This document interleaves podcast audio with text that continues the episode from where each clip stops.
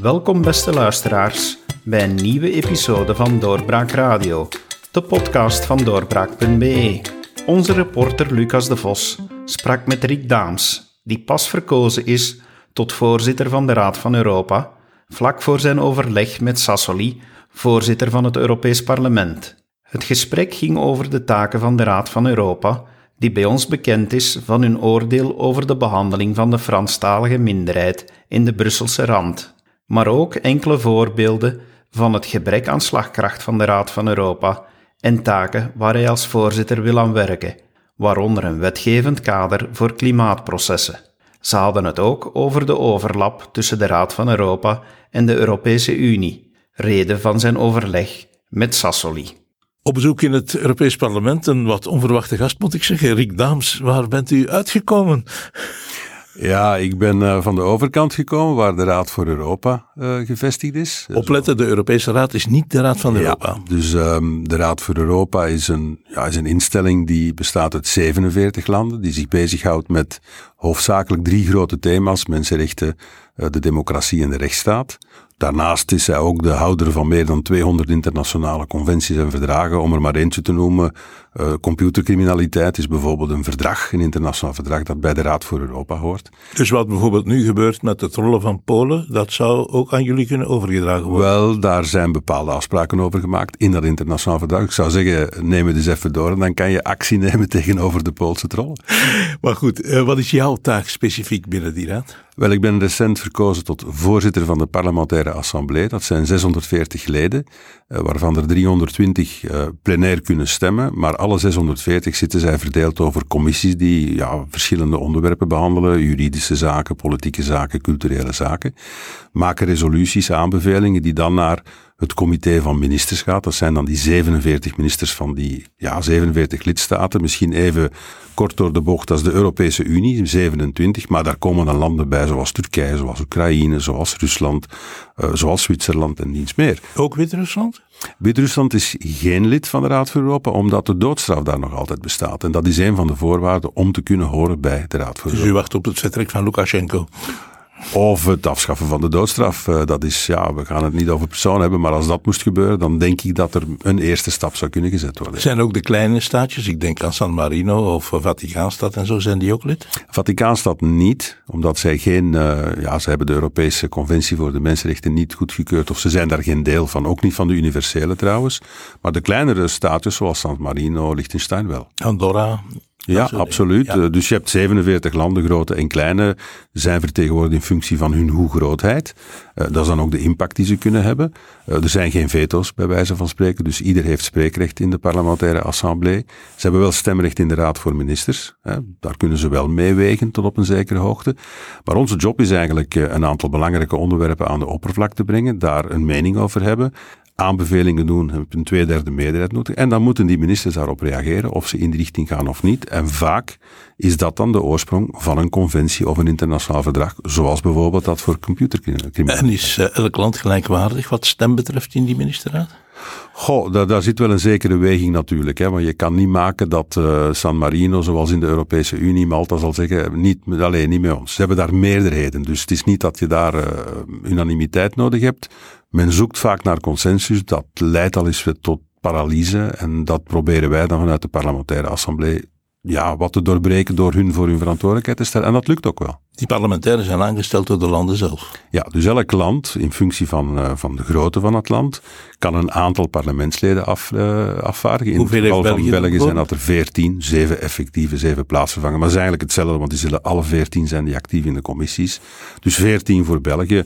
Laten we een ander voorbeeld nemen. Frankrijk zijn er dat 36. Duitsland ja. zijn dat 6. Dus het maximum is 18 plus 18. En ja, de kleintjes zijn dan met, met vier of, of een keer met zes. En de kleinste?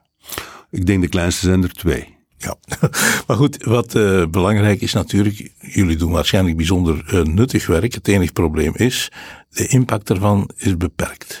Wel, de impact is heel groot op het terrein, in het dagelijks leven van de mensen. Maar de bekendheid uh, van de Raad voor Europa en wat ze doet, nu al gedurende 70 jaar, is quasi nul.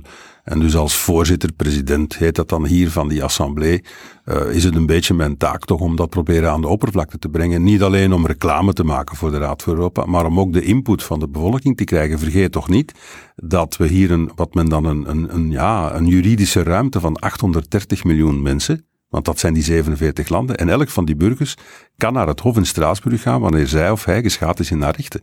En er zijn duizenden uitspraken die daar gebeuren tegen landen die die uitspraken moeten volgen. Dus het is een echte rechtbank. Het is een rechtbank, maar je kunt het niet opleggen. Ik bedoel daarmee, uh, ik herinner mij dat Turkije een, een aantal jaren geleden al 3000 keer veroordeeld was en nooit iets heeft uitgevoerd. Wel, in het overgrote gedeelte van de gevallen worden de, om te beginnen, ze zijn uitvoerbaar. Dus als die rechtbank beslist, dan moet het gebeuren. Als een land dan zijn voeten eraan veegt, ja, dan heb je andere middelen die kunnen ingezet worden. Vanuit de assemblee, vanuit het comité van ministers, dan krijg je andere maatregelen. Zoals? Ja, je kan bijvoorbeeld over bepaalde onderwerpen de Turken uitsluiten. Dat kan je perfect doen.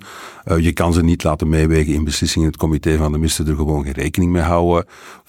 Uh, harde maatregelen heb je er maar eentje. En dat is dan het zogenaamde artikel 8 in het statuut. Dat is een land uitsluiten. Maar ja, voordat je zover gaat, dan moet er nog wel heel wat water.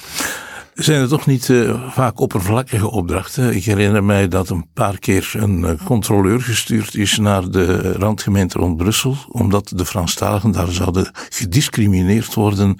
Uh, tuurlijk is dat nog niks geleid, maar aan de andere kant is het wel bijzonder vreemd. En dat is ook de reden waarom Vlaanderen bijvoorbeeld bepaalde conventies niet wil ondertekenen.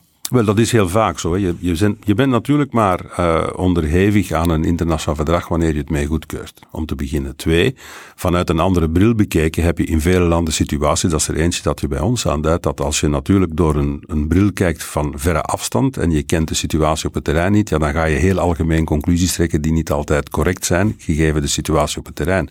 Dat is er eentje van. En zo heb je in vele landen het geval. En dat is juist waarom het zo interessant is om die monitoring te doen, want dan krijg je de juiste input om die terug te brengen naar de parlementaire assemblée. Die Vlaanderen heeft op dat moment gezegd, ja, maar waarom stuurt men altijd Franstaligen naar hier om dat te controleren? Ja, er zijn niet heel veel Vlamingen natuurlijk in, uh, in nee, nee, maar ik bedoel, je zou, je, zou, je zou een Turk kunnen sturen of je zou een Griek Ah, in die zin, ja, nee, dat is, ik zou dat eerder als toeval uh, durven zeggen, want uiteindelijk, je hebt zoveel leden, die zijn verdeeld over commissies, dan gaat er uh, wordt er een vraag gesteld wie is geïnteresseerd om het te doen. Misschien waren er maar weinigen geïnteresseerd om het te doen. Ja, het is toch ook altijd maar bijkomend aan je eigen parlementair mandaat. In mijn geval is het wat verschillend, omdat ik als gekoopteerd senator heb ik ook een afspraak met de Senaat dat ik dit voltijds ga doen. Dus dat is een, natuurlijk al een kwantumsprong in vergelijking met het verleden. Ja, ook omdat de Senaat nu niet zoveel meer vergadert. Hè? Wel, voilà, het is halftijds, hè, een gekoopteerd senator. En ik, uh, die halftijds kan ik dan nog eens quasi volledig invullen voor de Raad voor Europa. En nogmaals, het, eh, het, het bepaalt het dagelijks leven van de mensen. Hoor. ik, ik, geef maar een voorbeeld. De Istanbul-conventie, geweld tegen vrouwen tegengaan. Kom aan. Er zijn nog altijd veel landen waar dat men vindt dat een man een vrouw zomaar mag slaan, weet je wel. Allee, kom aan, dat is niet meer van deze tijd. Dus dat is zo'n internationale conventie die dat in de feiten tegengaat. Soms gaat het over gekke dingen, hè? Uh, want ik ben nu zo'n beetje de, de relevé aan het maken van al die conventies. Het is er eentje over het transport van paarden. Zit ook bij de Raad voor Europa. Dus een paard dat van één land naar een ander gaat. Is dierenbescherming dus. Uh, wel, de condities waarbinnen dat, dat moet gebeuren. Hè? Maar daar staat dan tegenover computercriminaliteit. Dat is dan een hele grote conventie. Mm -hmm. uh, het Europees Verdrag voor de Mensenrechten zelf. We zijn nu aan het werken tussen de link tussen um, omgeving, klimaat en mensenrechten. Er worden heel veel uitspraken gedaan in Straatsburg. Ook de, de rechtshoven in al die landen beginnen uitspraken te doen over de link tussen klimaat en mensenrechten. Ja, misschien beter van dan een, een correcte politieke basis te leggen in plaats van dat dat in alle richtingen gaat. En dat is nu iets wat de Raad voor Europa kan doen. Dat is heel concreet en dat is ook iets ja, waar de politiek dan iets reëel zou gaan doen. Hè. Nu worden er veel plannen gemaakt en er wordt ook heel veel gedaan. Maar dit zou iets zijn dat een rechtsbasis geeft voor mensen om in termen van klimaat ook wel een stem te hebben, wat nu niet is. Ja, klimaat en milieu neem ik aan. Wel, ik noem het nu klimaat omdat dat eh, een containerbegrip is voor leefomgeving. Ja, het is gewoon, ik, ik probeer een paar concrete voorbeelden te bedenken die mogelijk, ik moet maar zeggen of het niet kan of wel kan, maar bijvoorbeeld uh, de plannen van Polen om te hakken in het oerbos om de Via Baltica door te trekken, wat uh, heel veel protest heeft uitgelokt. De radioactieve vergiftiging rond Paldiski, de vroegere kernduikbootcentrale van, van de Russen in Estland. Dat soort dingen, gaan jullie daar ook op in? De, de, de bruinkoolwinning in Duitsland bijvoorbeeld? Vandaag is het zo dat een burger in dat land naar de eigen uh, rechtshoven zich kan wenden om genoegdoening te krijgen, omdat de overheid niet doet wat hij moet doen. Stel dat je morgen een basis zou hebben, dat is nog, nog lang werk, moest het al zo zijn, ja, dan kan diezelfde burger naar het Hof in Straatsburg gaan. En het Hof in Straatsburg doet dan uitspraken, schadevergoeding, herstelling en niets meer. Nu heb je situaties, Nederland is een voorbeeld, nu heel recent, waar dat de, de Nederlandse staat veroordeeld is met dwangsommen om de CO2-uitstoot te verminderen tot een bepaald niveau voor het einde van het jaar. Maar dat soort uitspraken gaat in verschil. In Duitsland zit er nu eentje aan te komen. Dus al die landen zeggen: hé, hey, maar die basissen waarop het gebeurt zijn verschillend. Zouden we dat niet kunnen uniformiseren? En daar echt iets van maken dat dan een slagkracht heeft om inderdaad de leefomgeving door die druk te verbeteren. En dat is eigenlijk de prioriteit die ik nu aan het stellen ben binnen de Raad voor Europa. Zeggen, allee, dit is iets wat zo hoog op de agenda staat, waar zoveel mensen mee bezig zijn, wat concreet een probleem is. Ik hoop dat ondertussen iedereen dat toch wel heeft begrepen. Wel, dan is de Raad voor Europa een van de instellingen die die uh, legale basis kan maken, via een conventie of via een protocol op, uh, op het Europees Verdrag. En dan komt dat Hof in stelling. Wel belangrijk, want dat zal regeringen, staten in beweging brengen, omdat ze moeten. Je, je bent op bezoek nu bij een buurman, uh, want ik kan hier een deur, er bestaat hier een deurtje waar ik door kan gaan naar jullie raad eigenlijk.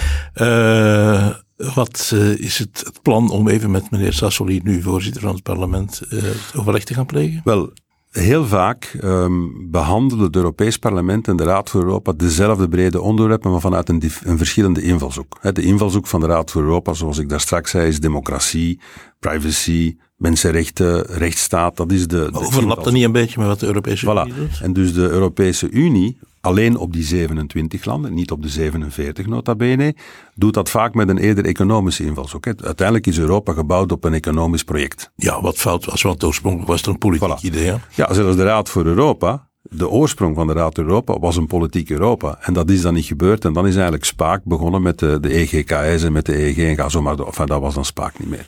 Dus de, de, laten we zeggen, de brede oorspronkelijke invalshoek van het Europees Parlement is eerder economisch slash sociaal van aard, terwijl die van ons eerder mensenrechten, rechtsstaat, democratie van aard is. En wat ik wil doen, is die overlapping van die verschillende invalshoeken proberen synergie uh, te, laten, te laten geven, uh, waardoor je gezamenlijke projecten kan maken. Het enige probleem is dat je dan natuurlijk alleen over de 27 praat in Europa en niet over die 20 andere landen. En dat is de uitdaging. Hoe kunnen we dan goede regelgeving, desgevallen, die zo tot stand komt, ook verder brengen dan alleen de Europese Unie, waardoor dat je begint te bouwen aan het bredere Europa.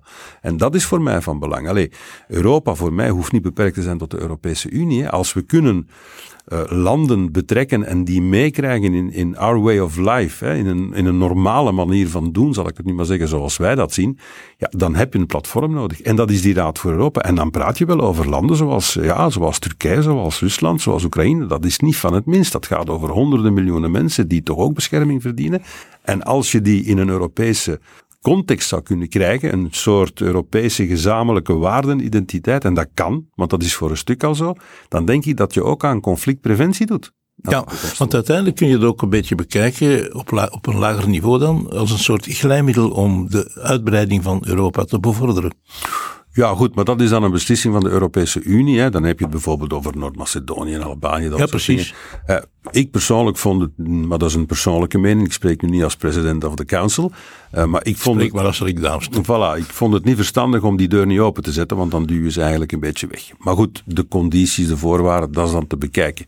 Maar ja, Noord-Macedonië, Albanië bij ons zijn volledig lid en dus die, die werken met ons volledig mee en wij trekken die zo ook mee in die rechten. Allee, als je het hebt over mensenrechten in die landen, die komen van ver en die hebben al heel veel vooruitgang geboekt. Er zijn ook landen die de omgekeerde weg maken. Hè. Als je hier in Europa kijkt, Polen, Hongarije.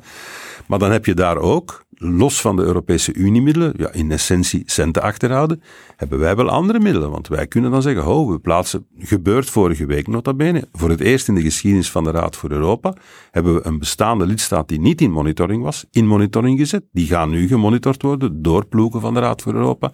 Daar komen rapporten.